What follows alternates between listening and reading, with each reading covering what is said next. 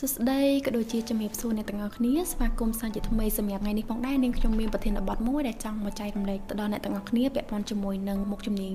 គ្រប់គ្រងបដិសណ្ឋារកិច្ចនិងទេសចរដោយសារតែទទួលបានសំណួរពីសិស្សានុសិស្សជាច្រើនដែលគាត់តែងតែសួរថាអ្វីទៅដែលហៅថាជំនាញគ្រប់គ្រងបដិសណ្ឋារកិច្ចនិងទេសចរ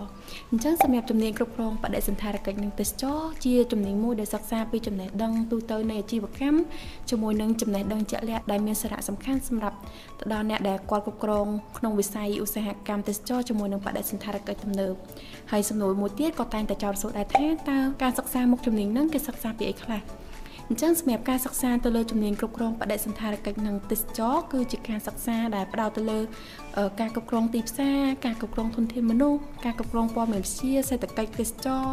ការស្រាវជ្រាវទេសចរសង្គមវិទ្យាវប្បធម៌ជាមួយនឹងបេតិកភណ្ឌក៏ដូចជាការតំណែងតំណងហើយសម្រាប់នៅក្នុងនឹងផងដែរជាទូទៅគឺគេមានបែងចែកជាវគ្គតូចៗដើម្បីសិក្សាទៅលើផ្នែកនីមួយៗឲ្យបានស៊ីជម្រៅ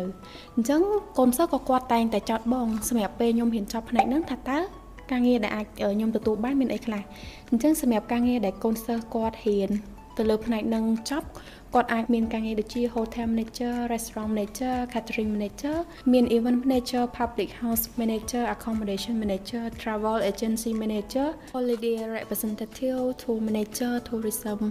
officer tourist information center manager ហើយមួយទៀតបន្ទាប់ពីការសិក្សាទៅលើមុខជំនាញនឹងហើយ សម្រាប់សិស្សានុសិស្សគាត់មានជំរើសច្រើនសម្រាប់ការជ្រើសរើសកន្លែងការងារក្នុងគ្រប់គ្រងវិស័យនិងរួមជាមួយនឹងស្ថាប័នរដ្ឋក៏ដូចជាឯកជនដែលមានដូចជាក្រុមហ៊ុនភ្នាក់ងារទេសចរ resort សន្តាគារជាមួយនឹងភោជនីយដ្ឋាន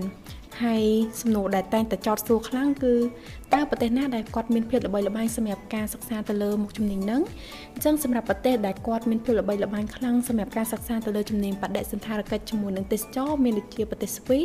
សហរដ្ឋអាមេរិកចក្រភពអង់គ្លេសអូស្ត្រាលីជាមួយនឹងសិង្ហបុរីអញ្ចឹងសម្រាប់វីដេអូនៅក្នុងថ្ងៃនេះគឺខ្ញុំមានប៉ុណ្ណឹងបើសិនជាអ្នកទាំងអស់គ្នាមានព័ត៌មានក៏ដូចជាមានចម្ងល់ចង់ដឹងពីមុខជំនាញអីបន្ថែមទៀតអ្នកទាំងអស់គ្នាអាចធ្វើការ comment ទៅក្នុង comment section ខាងក្រោមនឹងបានអរគុណច្រើនជំរាបលា